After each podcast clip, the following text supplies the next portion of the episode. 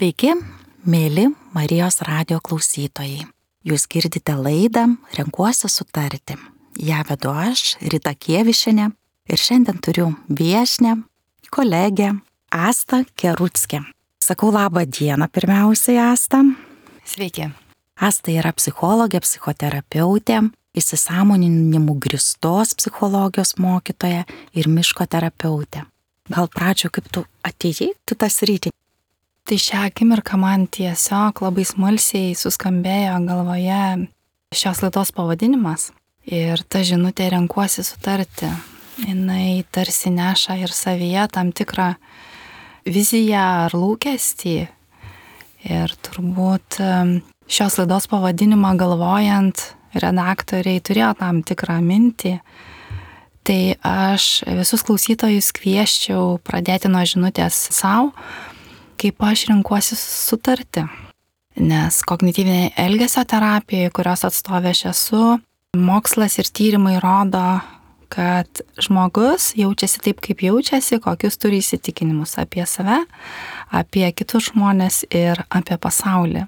Tai turbūt kvieščiau šią akimirką į kiekvieną staptelėjus įsisamoninti ir duoti savo tą atsakymą, kaip aš dažnai pasirenku tiek sutarimą su savimi, tiek prieimimą kitų ir tai, kas vyksta pasaulyje ir kokį santykį turiu su tuo. Paminėjai ir apie savo, ar ne, gyvenimo mhm. kelių pasirinkimus. Ar tau buvo lengva sutarti su savim, kad tu renkėsi kitą kelią, psichologijos kelią, nes prieš tai buvai ne psichologijoje.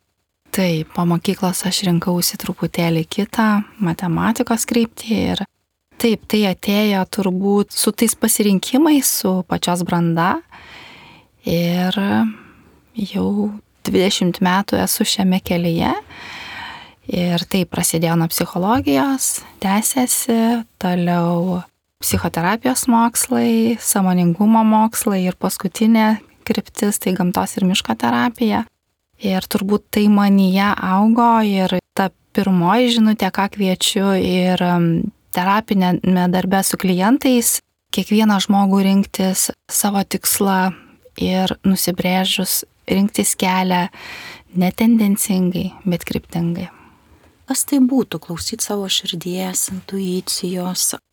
Didesnę dalį savo dabartinės profesinės veiklos aš skiriu darbui su vaikais, jų tėvais. Tai turbūt jeigu mes pažiūrėtumėm į vaikus, kaip jie elgesi, kaip priema aplinką, tyrinėja aplinką, jie tai daro tarsi kiekvieną kartą, pirmą kartą, jie džiaugiasi, tyrinėja, panaudoja savo smalsumą. Ir jeigu jiems tėvai tik tai leidžia, jie ir gali taškytis balose ir valiotis nuo kalno su purvinais rūbais ar, ar sniego, turėdami galimybę ir pažaisti su sniegu ir pasivalioti. Ir dabar paskutinę savo grupę, kurią turėjau, atiškilo tokios mintys. Gamtos ir miško terapijos buvo užsiemimai Dainavos parke ir buvo vaikų grupė.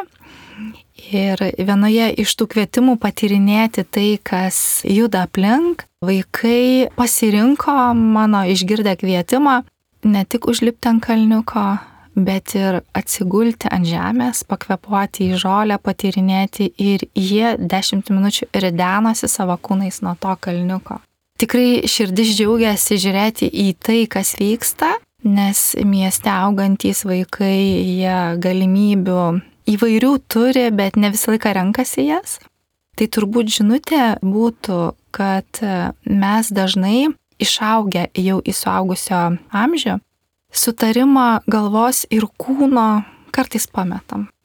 Tai jeigu mes atkreipsim dėmesį visų pirma į savo kūną, kuris yra tikrai mūsų namai, kalbant apie psichikos sveikatą, apie fizinę sveikatą, apie tai, kaip mes galim pasirūpinti savimi, visų pirma, padėti savo prevenciškai, darant tam tikrus dalykus ir rodydami pavyzdį vaikam.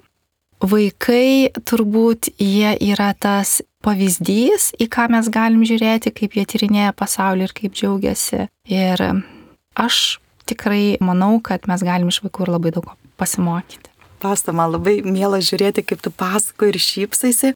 Aš irgi buvau ta mama, kuri leido vaikui tyrinėti pasaulį ir kai iš aplinkinių sulaukdavau kažkokio nepritarimo, sakydavau, ai, tegu vystosi. Tuo metu, ką galvojau, kad teisinga, tą ir dariau. Mm. Bet aišku, mhm. auklėjant vaikus sumaišties būna, nes tie vaikai mūsų iš tikrųjų visokie. O kaip dabar yra irgi ta žinutė tokia dažnai skamba, klausykis savo vidinio vaiko, ar netgi grįžti tą vidinio vaiko būseną. Čia tokia turbūt vėl man skamba žinutė apie tai, kad šio laikinis tempas diktuoja labai daug informacijos ir dalis žmonių pasirenka tarsi tokį ratą, kuris tam, kad suktųsi, žmogus jį pasirenka savanoriškai ir labai stipriai sukti. Ir kartais užduotum klausimą ir nėra to atsakymo, koks yra to žmogaus tikslas, nes jis labai daug investuoja į karjerą, į išorę. Ir tas sutariamumas turbūt tiesiog paskutinių metų praktika, ką mes ar seminaruose, arba mokymuose, konsultacijoje, ką dažnai minim, tai tiesiog klausimas. Kaip manai šią akimirką, kas tave daro laimingą? Na, aš tą žinau greičiausiai, nes jau kaip ir stengiausi ir stengiuosi pastebėti. Šeima, vaikai daro laimingas, buvimas gamtoje, va gamta mane irgi labai tyla. Buvimas tyloje, atsistatymas, tai irgi man suteikia. Ar netgi vat, maudynės jūroje Baltijos na, šaltyje. Gal tai buvo džiaugsmo akimirka, nežinau, čia vis tik tie vidiniai kažkokie dalykai ir ryšiai Ir matai, vat, ne, net nepakalbėjau, kad darbas, nors dabar va prisimenu, vat, sakykime, vis tiek ir konsultuoju iš klientus, kai būna rezultatai ir smagu yra. Su studentais aš dėstau kolegijoje, darėm praktinius mokymus, nemokymus, įveikinėjom baimės. Ir tai buvo praktiškai, kai studentas stovi prieš auditoriją, pajaučia, kurioje vietoje kūne kaupėsi nerimas, kai išdrįsta tą pasakyti ir kaip pajunta, kad tas nerimas sumažėja ir gali ką nors daugiau tada daryti. Tai va, tas va irgi va kiek sukėlė ne pats tas mokymas, bet pats tas faktas, kad visi iki vieno atsistojo prieš auditoriją, nors net nesitikėjau, kad tai bus, bet van draugų paskatinti. Tai va, gal darbo irgi tos laimės šiek tiek akimirkos duoda, bendravimas su žmonėmis. Čia daug aš jau išvardinau, bet čia aš labiau dėl to, kad irgi gal kaip ir tu tam samoningumą vis labiau sustoti, vis labiau savo leidžiu, išgirsti save leidžiu. Tai čia manau tik dėl to, nes jeigu būčiau bėgime, tai... Taip, tai mhm. jeigu kalbėtumėm apie akimirko žavesi, yra tie posakiai arba tam tikri pasakymai, ten sustok akimirką žavinga, ar, arba devynis kartus pamatuok ir dešimtą nukirpk, tai mm, aš prilyginčiau tai tikrai samoningumui, nes jeigu mes gebam būti šią akimirką ir pajausti jos e, ir tylą, ir grožį, kartais ir skausmą, ir priimti tai leisti savo pabūti tame, mūsų pačių protas ir kūnas leidžia atliepti to mūsų vidinio vaiko poreikius. Nes mes augom labai skirtingose galbūt kartose. Ir tie, kas šiuo metu yra per pusę jaunesni arba dar jaunesni yra arba vyresni, mes turim skirtingas patirtis labai. Ir yra žmonių, kurie yra laimingi dar turėdami tėvus arba senelius. Aš esu tas žmogus, kuris neturi nei tėčio, nei mamos, nei senelio jau esu tame etape ir, ir keičiasi mano irgi švenčių buvimas ir tarsi to vidinio vaiko poreikio atliepimas turbūt apie tą akimirką. Jeigu mes gebam išgirsti save, savo poreikį, tai ir būtų turbūt apie tai, kad gebam priimti tai, ko mūsų vaikui šiuo metu vidiniam vaikui reikia. Ir aš būčiau daugiau už tokį įsisamoninimą ir tą akimirkos buvimą, nebūtinai įvardyjant, kad aš čia atliepiu savo vidinio vaiko poreikius, nes tokie čia jau yra truputėlį ir mokslo kalba, bet tie žmonės, kurie geba pasidžiaugti, tie, kurie gyvena gamtoje, tie, kurie turi galimybę būti kaip įmanoma dažniau prie jūros, atsisakant urbanizacijos prietaisų, dirbtinio intelekto, mašinų, naujų elektromobilių. Žinoma, tvarumas yra labai svarbu, bet turbūt gebėjimas pajusti tos akimirkos grožį, tai, tai turbūt yra apie tai, apie ką mes kalbam. O kaip išmokyti? Ar čia jau apie gamtos terapiją labiau, ar apie samoningumą labiau? Man tai yra labai kompleksiškai, nes tai kaip ir tokia sudėdamoji dalis ir aš būčiau turbūt už tai, kad tiesiog kviesti bandyti, nes gamtos terapija kaip mokslas, kuris jau virš 40 metų atėjęs iš Japonijos ir kuo truputėlį turbūt e, tas pirminis užmanimas, jisai truputėlį keičiasi, nes e, terapija apie truputėlį giluminius procesus. Bet jeigu mes tiesiog galim tyrinėti per savo penkias jūslės, tai žiūrėjimas, lytėjimas, kvapas, garsas ir skonis, tai yra tiesiog toksai pojūčiai, dar kitaip vadinamas iš anglų kalbos vertinys, tai toks kaip ir miško tyrinėjimas arba širinjoku. Yra su gidu galima, galima savarankiškai, jeigu aš tiesiog esu tame truputėlį samoningumo kelyje ir būdamas miške atsisakau miesto malonumų telefono ir klausau paukščių arba klausau ar upės ar ežero. Ir tiesiog būnu į savaitę kartą, jeigu per savaitę kartą yra paskaičiuota tyrimu, gamtoje 3 valandas praleidžiu vienu metu, tai užtenka išsivalyti stresui organizmui, pasikrauti mūsų imuniniai sistemai ir atstatyti visos savaitės nuovargį tai, ką mes sudėjome ir kiek išsekinam savo kūną. Kokybiškas tas laikas, vad būtent dabartyje. Samoningume. Taip, samoningume Man teko būti gamtos terapijos užsiemimuose ir pati pajuntu, kad labiausiai pailsiu, kai jau užuodžiu. Kai užuodžiu, atrodo ir esu miške. Ir kartais sakau, Rita, nu tugi miške jau dabar savo protą jau, jau nurimka. Bet va tada, kai užuodžiu, va tada jau ir suprantu, kad aš jau, na, atsipalaidavusi ar nurimusi jau, ar, ar tų minčių gausos nebėra tada. Tai va, man matyt per kvapą per penkias jūslės savo taip pauostyti. Aš atliepiant tau galėčiau pasakyti, mhm. kad mano turbūt labai panašiai smegenų tam tikra dalis, kuri atsakinga būtent už kvapą, labai stipriai jaučia. Garsas yra, bet kvapas turbūt yra mano jūslė, kurie stipriausiai jaučia ir smegenys tuo metu daugiausiai susiaktyvuoja. Ir aš turiu tokį gebėjimą atskirti tuos kvapus ir tyrinėti. Ir tikrai man irgi yra tas momentas kvapo, ne tik gamtoje, ir, ir kitose aplinkose. Ir jeigu tu pati žinai, kad per vienas praktikas iš samoningumo praktikų mes netgi tyrinėjame, kaip per vieną aš nervę užuodžiame, kaip per kitą. Ir aš esu pastebėjusi, kad viena pusė, jinai stipriau užuodžia, receptoriai yra stipresni. Iškilo man vaikų pasidalymai per samoningumo grupės arba per paskutinę irgi, kuri buvo Nidoje, gamtos ir miško terapijos užsiemimas. Vaikai tyrinėjantis ir jie, jie pasileidžia į gamtą. Ir buvo ten mergaitė, kuri gyvena Airijoje. Jinai buvo sužavėta tą akimirką, kad samanos, jos kaip patalai kvepia grybai, vabaliukai, tyrinėjimo. Tai jeigu mes turėtumėm galimybę ir norą paskatinti, kiek galima nuo pat jaunesnio amžiaus būti gamtoje, būti, tyrinėti, kartu veikti, vaikai gautų tikrai tokią neįkainojamą galbūt patirtį į save, nes tavo klausimas buvo, kaip išmokti, tai tik treniruotis, bandyti būti tame ir gamta yra labai dosni, jinai nieko neprašo atgal jinai besidalyjanti, jinai priema visus ir gal žmogui suskambėtų ir keistai, bet žmogus yra gamtos dalis.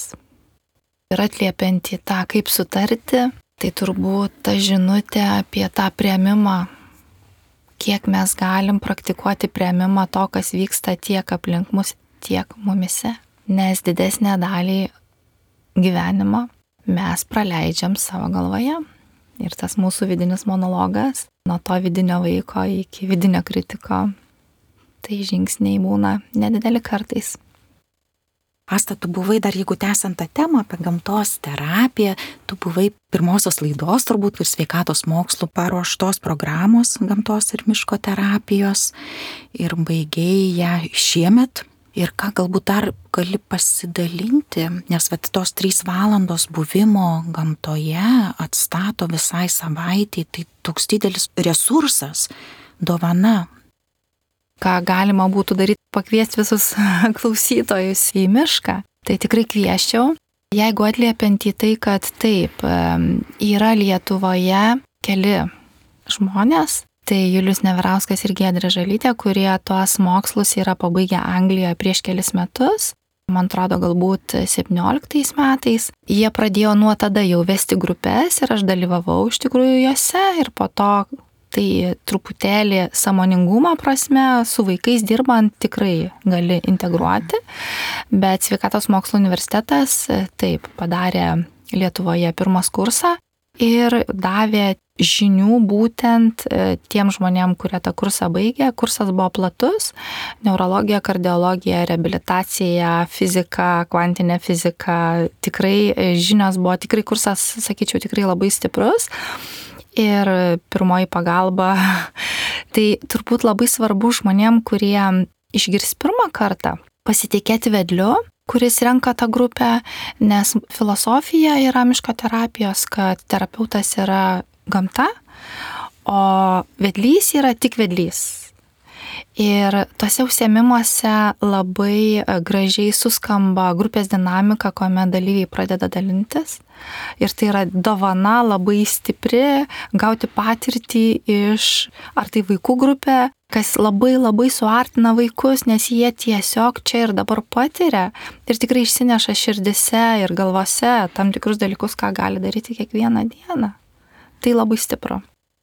Ir aš patvirtinčiau, kad um, aš pati asmeniškai ir pamatai, ir išgirsti, tokį labai duoda gerų tokių, nu, išvalgų gal ar ne, atsiradusių minčių naujų, sakykime. Taip, nes mm. jeigu kalbėsim apie, apie gamtą ir apie mišką, tai kvietimai jie yra keturios pagrindinės praktikos, daugiau visi yra kvietimai ir tose užsiemimuose grupės dalyviai gali pasirinkti ar atliepti kvietimą ar ne. Tai tikrai nėra direktyvu ir jeigu norisi netliepti kvietimą, o tiesiog pagulėti ant žemės ir, ir pabūti toje vietoje susijungus patirinėti, tai irgi yra dovana labai, nes po to pasidalymas vyksta.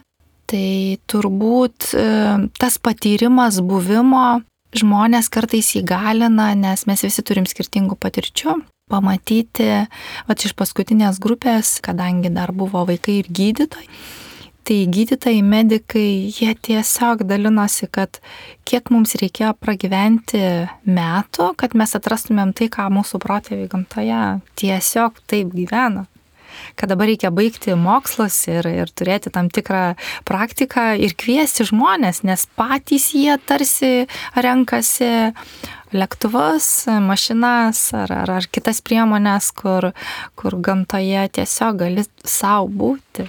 Taip, žinai, mano nuostaba tokia pat irgi buvo, kaip Na, aš taip tarsi sakiau, iki ko prieėjome, kad turime grįžti ir, ir daryti tai, kas buvo įprasta, na, tam miške, pauostyti ten gėlę, o dabar galbūt su navigacija mes einam kokiais miško keliais, žiūrėdami į, į telefoną. Tai ta nuostaba man taip pat buvo, vad kiek mes vis tik tam informacijos raute, nu, tam nu, besikeičiančiam, tokiam tam skubančiam pasaulį, kiek mes toli nuėjome, o ta, nežinau, dalis kažkokia nori ramybės. Ir turbūt žiūrėk, Asta, aš taip galvoju, bet gal taip, taip ir yra, kai, kai mes turim to didelio informacijos rauto, tikrai didelis informacijos rautas, daug įsipareigojimų, daug darbų, mums nebelieka laiko galbūt ir tą savo emociją suprasti, savo tą būseną suprasti, gal čia ir, ir kyla tada tie nerimo sutrikimai ir visos kitos va psichinės galbūt sveikatos lygos ir sutrikimai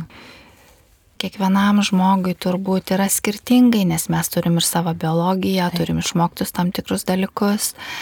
Dar yra momentai, kaip mes gebam atskirti savo profesiją ir profesijos vaidmenį su tuo, kokie mes grįžtam į namus.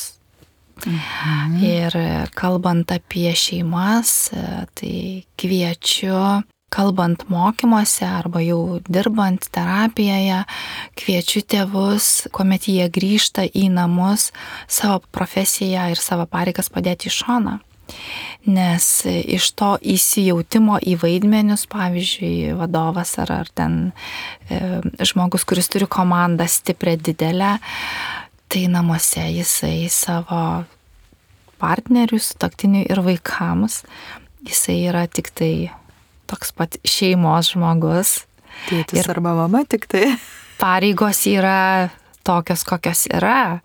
Tai jeigu mes gebėtumėm atrasti tam tikras žinutės, atrakinti savo galbūt širdies tos klodus ir turėti tam tikrus ritualus namuose su vaikais ir būti kartu kokybiškai tiek, kiek galim, nes laiko turėjimas visiems žmonėms, visiems gyvūnams, gamtai, nežinau, pastatams, visiems yra vienodas 24 valandos per parą. Ir kaip mes paskiriam tą laiką, nes mūsų kiekvienas žingsnis yra pasirinkimas. Taip, kartais jisai yra automatinio piloto, tokia nesąmoninga broto funkcija būsena, bet e, didesnę dalį mes irgi renkamės. Tai jeigu mes renkamės į tą informacijos srautą įsliuokti, jeigu mes renkamės vaikus nuo pat mažens, maitinti informacijos srautu ir duoti jiems turinį interneto ar, ar ekranų. Pernai metais jau pasirodė tam tikras yra lygų savadas, DSM iš Amerikos, kuriame jau yra įrašytos priklausomybės nuo interneto. Tas irgi ateina su, su mūsų visuomenė, su informacijos srautu Ir man vėl toks įskamba kvietimas, kad jeigu mes kūną su protu sujungsim kiek galima dažniau, mes pastebėsim ženklus. Nes ne tik informacijos, bet ir mūsų pasirinkimo. Ir šių dienų nemažas psichikos toksai turbūt netgi ypatumas, galima sakyti, tai perdegimas, kuris ne tik psichikos galvos, bet ir į kūną ateina. Ir žmonės yra labai stipriai išvargę bet nemažą dalį tų pasirinkimų jie patys tai daro. Ir aišku, čia jau paliečia ir visą šeimą, taip perdėkimas ar, ar išvargimas ir ne tik tėvai, bet, bet ir vaikai. Ar ne šeima kaip sistema? Taip, jeigu, jeigu mhm. šeimoje tėvai turės lūkestį, kad vaikas keturių metų lankytų tris burelius, penkių ar šešių metų kalbėtų anglų kalba, e, lankytų muzikos mokyklą, šachmatus, dar jo ūkdymo įstaiga, kur jo visa fizinė sveikata. Toliau dar šiais laikais tikrai ypatingai vyraujantis toksai taksi profesija, kuomet e, vežiojami yra vaikai, tėvai patys išvarksta.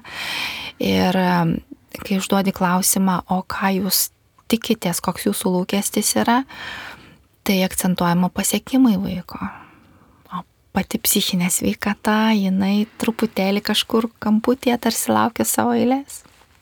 Kol ją turi, tai dar e, net ne, nepastebi ir nesidžiaugi, kad ją turi psichinę sveikatą, kaip vertybę mes, kai prarandam, tik tada suvokiam, kas tai buvo, kokia vertybė. Tai va, aš kviečiau klausytojus ir patiems, ir jeigu tai būtų galimybė per kokius susitikimus ir, ir savo giminaičiams arba draugams vieną iš praktikų praktikuoti, su vaikais labai tinkančią ir žinoma savo, tai dėkingumo praktika. Mes tą galim daryti kiekvieną dieną, dėkoti tiek bendradarbiams, tiek kolegams, tiek savo partneriui, sutoktiniui, o vakare aptariant dieną su vaikais įsivardinti po kelis gražius dalykus ir nors po vieną, už ką esu dėkingas šiai dienai. Taip, dėkingumo praktika aš pati ir praktikuoju ir kviečiu žmonės, su, su kuriais irgi dirbu ar, ar vedu mokymus tą praktikuoti ir dar mėgstu pridėti dar vieną klausimą, o už ką mažiau dėkingas. Na, aš čia dalinuosi, nes dėkingumas nurodo, ką tu darai ir kas tau patinka ir galbūt nerasi bendradarbio nei vieno, kuriam norėtum padėkoti ir netgi darbovietėje net nerasi. Tai ką tai reiškia, taip jo, bet gal tu būsi mažiau dėkingas, nu, kad turi galbūt darbą, nu, galbūt taip ar ne, arba už ką mažiau dėkingas tau nurodys, ką galbūt mažiau daryti arba ką keisti. Nes žmonės irgi turbūt labai sunkiai ir pasirinkimus daro, nes, nu, nepastebi tų dalykų, kurie šalia yra. Čia vėl apie samoningumą tarsi grįžtam. Tai labai atliepiu astos minčiai dėkingumas, nes dėkingumas yra ta emocija, kuri pakeičia tuo metu bent nerimo, sakykime, emociją, galbūt liūdėsio emociją. Ir dėkingumas labai atstato ir mūsų turbūt nu, resursus, mūsų vidinės galės. Ir tai reiškia galbūt apie pasirūpinimą savimi. Taip, Taip nes dėkingumo praktikose aktyvuojasi mūsų smegenyse mechanizmas ir tas klajoklis nervas jisai aktyvuojasi ir jeigu mes dėkingi būnam nors kelias akimirkas kitam žmogui ar pasauliui, ar, ar miestui, ar valstybei, mes po truputėlį praktikuodami dėkingumo praktiką, iškilus momentui save pakritikuoti, gebam atjausti save ir taikyti atjautą, nes atjautos praktikos irgi labai stiprios yra, jos paskutiniu metu irgi stipriai žengia į pasaulį, atjauta irgi yra dar viena iš terapijos rušių. Tai dėkingumas ir atjauta su vaikais mes mokomės padėkoti savo vidiniams organams. Ar esi ryta dėkojusi savo ausim arba savo rankytėm? Kadangi aš dalyvauju mokymuose pas Neverauską, Juliu dažnai, labai dėkinga jam esu už tai, tai tą praktiką atlikusi, bet vat, kaip tu, tu turi patirtį ir pati vedi, kokios reakcijos būna. Mums va čia ir atrodo įprasta, aš girdžiu, aš matau. Taip. Taip. Ir, ir um, Lietuvoje labai stipriai e, vykdomos ne tai, kad reforma, bet e, ugdymo sistemose pokyčiai ir e, kiek galima daugiau turinčių vaikų, kokiu nors tai sutrikimų jie yra integruojami į bendrąjį ugdymą nes turbūt prieš 30 arba prieš 40 metų nebuvo tiek kalbama, buvo labai daug stigmų apie įvairias negalės turinčius ir vaikus, ir žmonės. Ir kalbant su vaikais, sako, va, mano klasėje yra, kur ten vežimėlėje sėdi. Ir, ir jau po truputėlį yra ta žinutė, kad kūnas, kad e, nėra jisai absoliutus, kad tai yra duotybė, vertybė ir kad mes saugoti tai ir puoselėti ir pasirūpinti savo kūnu, tai yra mūsų pačių pareiga. Taip. Asta, mūsų laikas artėja link pabaigos, galbūt apie atjautos dar gali truputėlį pasakyti, ar kažkokia tai praktika gal gali daryti žmonės ir patys. Šiai akimirkai gal iškilo mhm. man ir kviesiu ir tave gal tada Taip. padaryti. Tie žmonės, kas esate namuose, kviečiu tiesiog pasirinkti vietą patogiam atsisėdimui kad jūsų kūnas būtų tiek, kiek galima pasodintas į tą vietą, kad jis jaustųsi kiek įmanoma patogiai, o vairuojančius, sėdinčius, stovinčius kokioje nors erdvėje. Ir mes patys galim tiesiog irgi truputėlį savo atliepti kūno poreikius ir tiek, kiek galima pramankštinti galbūt ir, ir kaklą, ir, ir, ir vieną petį, ir kitą. Ir jeigu galime, galime užsimerkti truputėlį susitelkti į savo vidinius tokius pojūčius ir kvieščiau vieną ranką, tą, kurią mes pasirinksime, uždėti ant krūtinės to ploto, kuriame numanome, kad yra širdis. Toks lėtas prisilietimas prie savo kūno ir gal leis pajusti kūno temperatūrą arba mūsų lytos pojūčio pagalba patyrinėti tą paviršių, ant kurio mes uždėjome ranką. Ir truputėlį tiesiog pastebėti savo kvepavimą. Kaip mes įkvepiam, kaip iškvepiam. Mūsų kvepavimas turi keturias ciklo fazes - tai įkvėpimas, trumpa pauzelė tarp įkvėpimo ir iškvėpimo, iškvėpimas ir vėl trumpa pauzelė. Ir keletą akimirkų tiesiog paklausykim savo kvepavimą. Galim patyrinėti, kaip mūsų ranka keičiasi jos pozicija. Ir šiai akimirkai gal galim pasiūsti savo žinutę, kuri gali būti kaip linkėjimas, kaip padėka savo. Arba kaip pasirūpinimo savo tam tikrą žinutę ką šį vakarą galėčiau padaryti dėl savęs.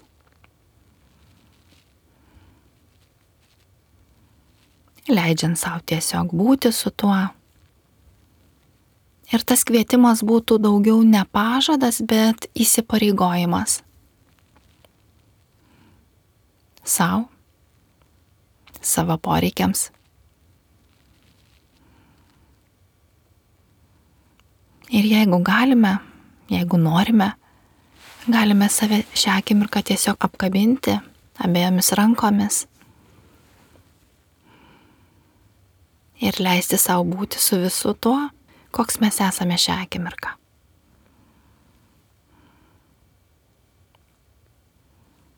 Ir pasiūsti dėkingumo žinutę savo, kitiems žmonėms, savo miestui, savo šaliai, visam pasauliui,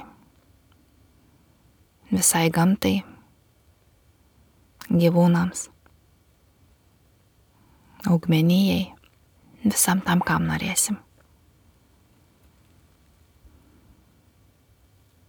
Ir padovanoti vidinę šypseną savo ir aplinkiniams. Ačiū Asta už pravestą praktiką, atjautos praktiką. Ir kvieščiau radio klausytojus dažniau pasirūpinti savim, dažniau pabūti tyloje, dažniau pabūti maldoje, jeigu to reikia, dažniau padaryti tai, ką norėjote padaryti savo, pasirūpinant savim, netidėlioti tokių dalykų. Ir baigiant mūsų laidą, aš dėkoju tau, Asta, kad atėjai, primenu radio Marijos radio klausytojams, kad jūs klausėte laidą Renkuosi sutarti. Ja vedžiau aš Rita Kievišinė ir mes turėjome svečiuose Asta Kerutskė, psichologė, psichoterapeutė, įsisamoninimu gristos psichologijos mokytoja ir miško terapeutė.